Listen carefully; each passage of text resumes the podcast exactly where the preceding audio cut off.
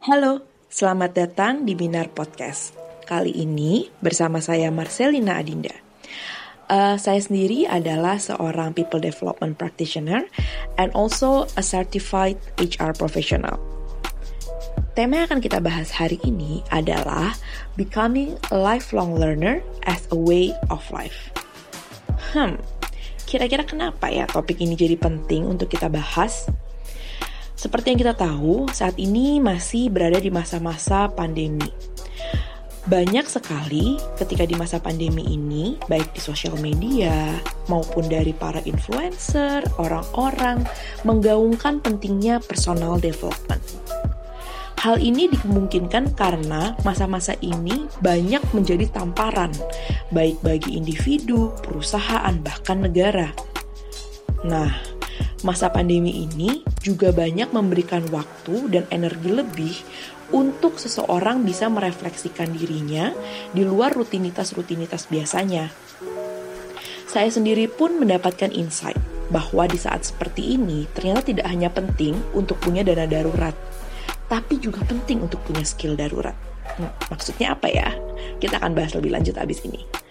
Oleh karenanya, salah satu way of life yang menurut saya penting untuk kita semua sadari dan juga aplikasikan adalah untuk bisa menjadi seorang lifelong learner. Oleh karenanya, di podcast kali ini kita akan membahas paling tidak ada tiga topik. Yang pertama, apa itu lifelong learner? Yang kedua, kalau mau menjadi lifelong learner, apa nih amunisinya? Baik mindset, habit, dan skill yang dibutuhkan. Dan yang ketiga, how to start it. So, kita ngobrol langsung. Sebelum kita beranjak ke apa itu learning process dan karakteristik dari lifelong learner, saya mau coba bertanya beberapa hal dulu nih ke teman-teman semua yang mendengarkan. Tapi coba dijawab dengan jujur ya untuk diri masing-masing.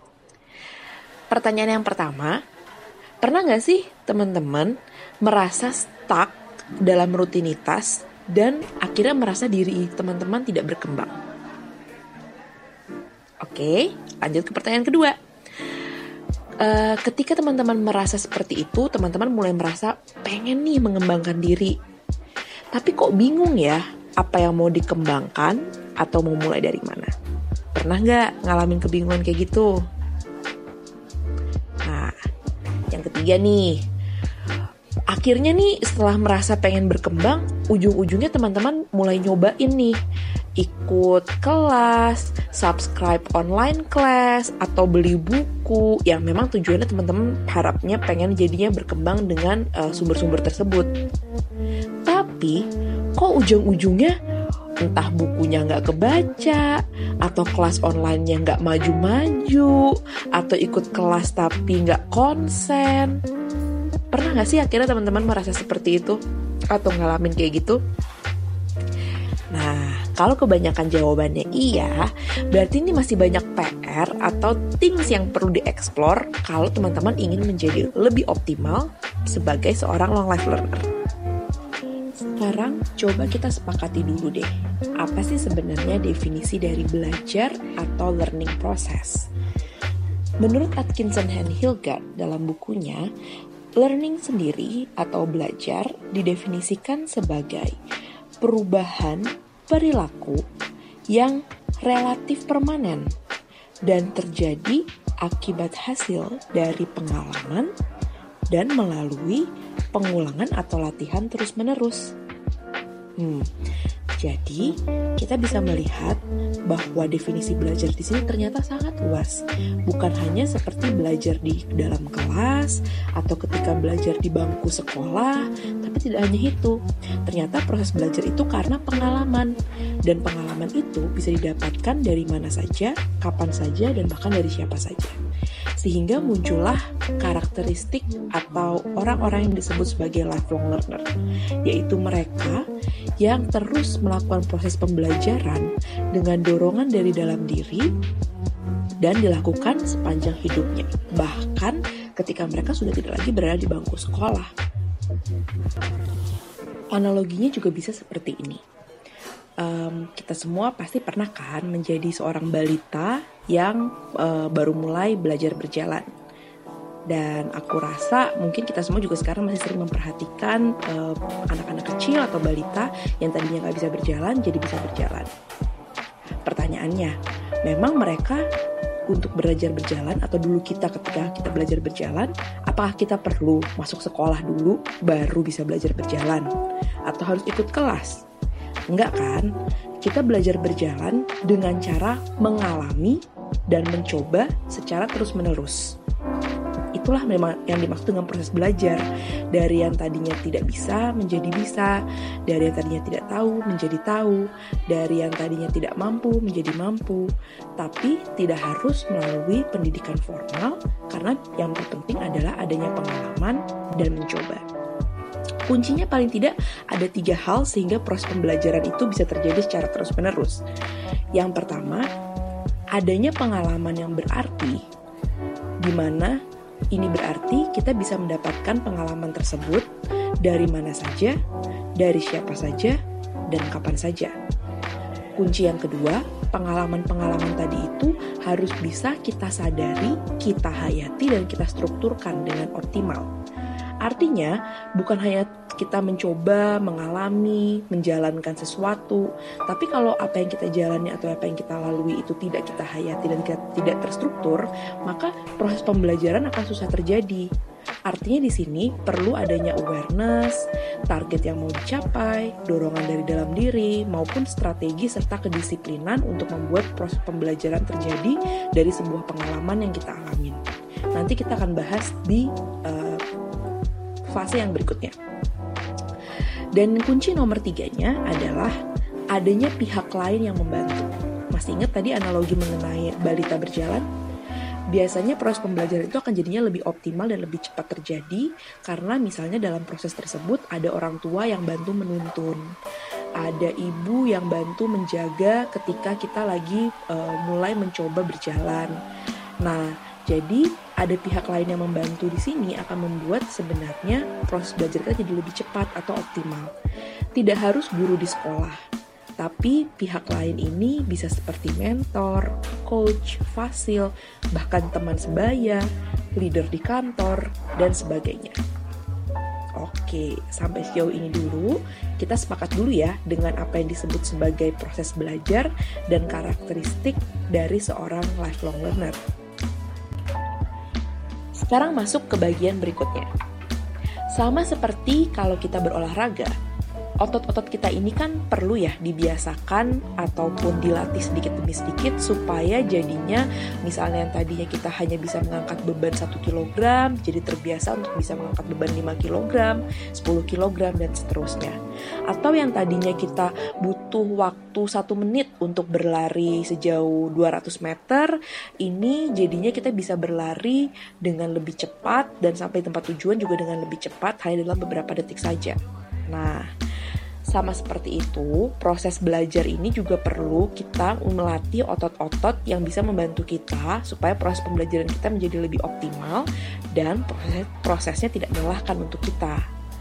Jadi perlu ada strategi, habit, mindset, skill yang perlu kita bangun nih. Nah, aku di sini akan membahas secara general saja dan mungkin tidak terlalu dalam karena teman-teman lah yang harus mencari lebih dalam lagi sendiri setelahnya. Yang pertama, kita harus mulai with the right motivation. Bukan hanya mengenai, oh ya motivasinya harus dari dalam diri sendiri atau intrinsic motivation. Tapi di sini adalah having the right motivation.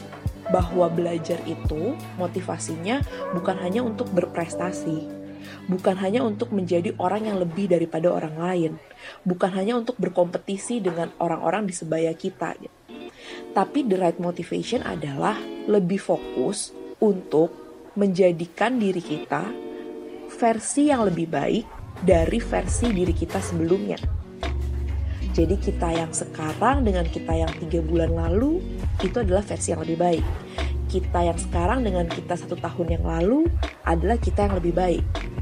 Itu menjadi motivasi yang lebih kuat dan membuat kita jadi tidak patah semangat dalam proses belajar karena fokus dengan kompetisi maupun berkejaran tidak akan terlalu membantu kita. Yang kedua, having a growth mindset.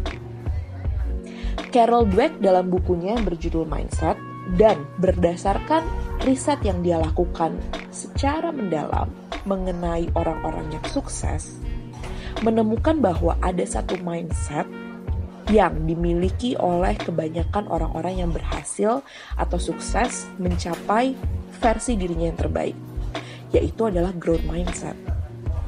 Secara general, orang-orang growth mindset ini dicirikan sebagai orang yang menganggap bahwa dirinya itu masih selalu bisa dikembangkan.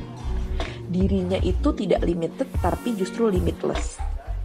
Kemampuannya masih bisa terus untuk dikembangkan. Dan dia percaya bahwa yang namanya tantangan, kesulitan, kesusahan itu bukanlah suatu kemalangan, tapi justru suatu kesempatan untuk mengembangkan diri sendiri. Itulah yang disebut sebagai growth mindset. So, lawan kata dari growth mindset adalah fixed mindset. Nah, coba diriset lebih jauh ya, apa sih itu growth mindset dan apakah kita sudah memiliki growth mindset itu sendiri? Yang ketiga, yang nggak terlalu banyak nih orang-orang bahas, ini adalah mengenai self-regulated learning. Apa itu self-regulated learning? SRL adalah sebuah strategi di mana kita secara aware dan terstruktur membuat proses belajar itu terjadi dalam diri kita. Dimulai dari yang pertama, mengevaluasi diri sendiri untuk bisa menetapkan target belajar kita. Sehingga kalau kita mau mempelajari sesuatu, semua selalu dilandaskan pada kebutuhan atau target yang ingin kita capai kita juga membiasakan diri sendiri untuk mencari yang kedua adalah strategi belajar yang paling tepat buat kita. Sehingga kita tahu nih strategi belajar apa yang paling optimal untuk diri kita. Misal, kalau baca buku ternyata tidak buat saya tidak nyaman untuk uh, baca buku di tempat ramai. Saya lebih senang baca buku di tempat sepi. Orang yang punya self-regulated learning akan menyadari hal tersebut dan guna dia mencapai tujuan dia untuk bisa membaca buku sampai selesai, dia akan mencari ruangan yang lebih uh, sepi atau nyaman sesuai dengan kondisi yang diharapkan untuk baca buku. Nah, itu sih contoh sederhananya ya. Tapi basically self-regulated learning ini juga mengenai kesadaran diri dan bagaimana menstrukturkan uh, strategi belajar supaya kita jadi tahu strategi belajar kita yang paling optimal. Tidak lupa yang ketiga dalam self-regulated learning adalah pentingnya evaluasi diri atau refleksi. Sehingga habit teman-teman untuk selalu menyediakan waktu untuk merefleksikan diri sendiri, mengevaluasi pencapaian teman-teman, mengevaluasi target belajar teman-teman setiap harinya, setiap minggu, setiap bulan itu menjadi penting. Jadi kalau bikin resolusi, jangan cuma resolusi pas tahun baru aja tuh Nah, yang terakhir yang tidak kalah penting adalah memiliki intellectual humility dan critical thinking. Ini akan sangat membantu kita dalam memilah-milih dan membuka pikiran kita pada informasi-informasi yang kita serap dalam pengalaman kita sehari-hari. Ingat ya, untuk masalah belajar ini kan kita nggak harus pergi ke sekolah ya. Jadi kita bisa selalu belajar baik dari tempat kerja kita, ketika kita lagi bersama teman-teman kita, nongkrong, jalan-jalan, itu bahkan kita bisa menyerap pembelajaran. Dengan memiliki intellectual humility, sebenarnya kita membuka pikiran kita untuk mau menerima informasi baru, terbuka terhadap informasi, dan juga tetap merasa humble atau rendah hati terhadap informasi atau pemahaman yang kita punya. Jadi kita tidak merasa diri kita paling hebat juga. Dan critical thinking akan membantu kita untuk bisa memilah-milih dan menyaring informasi serta menyerap informasi yang paling optimal dan dibutuhkan oleh kita. Itu secara general kira-kira amunisi-amunisi yang dibutuhkan kalau kita bisa men mau menjadi lifelong learner. Nah, jadi di bagian terakhir ini, gimana sih caranya kalau kita mau memulai dari hal kecil untuk bisa menjadi dan membiasakan diri menjadi seorang lifelong learner? Semua dimulai dari awareness atau kesadaran diri yang dihasilkan juga dari habit untuk selalu merefleksikan diri baik harian, mingguan, bulanan, tahunan supaya hari-hari kita dan pengalaman-pengalaman yang kita alami setiap harinya tidak hanya berlalu menjadi sebuah rutinitas tapi kita selalu bisa mengambil pembelajaran atau intisari dari setiap pengalaman yang kita alami. Biasakanlah untuk menuangkan kesadaran ataupun refleksi tersebut ke dalam suatu visualisasi, misalnya seperti jurnal, mind map, supaya hasil refleksi kita bisa terlihat dengan lebih nyata. Tidak kalah pentingnya untuk mengubah hasil refleksi tersebut menjadi action plan ataupun target nyata yang ingin dicapai teman-teman perlu menetapkan apa yang mau teman-teman pelajari, mau teman-teman lebih kembangkan, dan nanti bagaimana strategi untuk mencapainya. Hal ini akan membantu teman-teman membangun habit-habit baru serta baby step-baby step baru untuk bisa mencapai hal tersebut. Misalnya nih, wah uh, di dunia kerja sekarang kita udah bisa melakukan satu hal A. Kenapa tidak kita coba explore dan sadari kalau misalnya ada hal-hal lain yang kita belum pelajari. Misalnya hal-hal lain seperti hal B, C, D, dan E yang mungkin mau kita tetapkan sebagai target pembelajaran kita berikutnya. Tinggal cari deh gimana strateginya kita bisa mempelajari hal tersebut. Apakah dengan mengajukan diri ke atasan kita untuk mengikuti suatu project, meminta bantuan dia untuk mengcoaching kita, dan sebagainya. Oh ya, di sini tipsnya adalah jangan terlalu fokus pada target atau tujuannya ketika kita sudah memiliki target atau tujuan tersebut. Tapi fokuslah pada prosesnya juga. Kenapa? Karena kalau kita fokusnya pada target, kadang-kadang itu malah membuat kita jadi lebih stres, stuck, atau merasa tidak berprogres.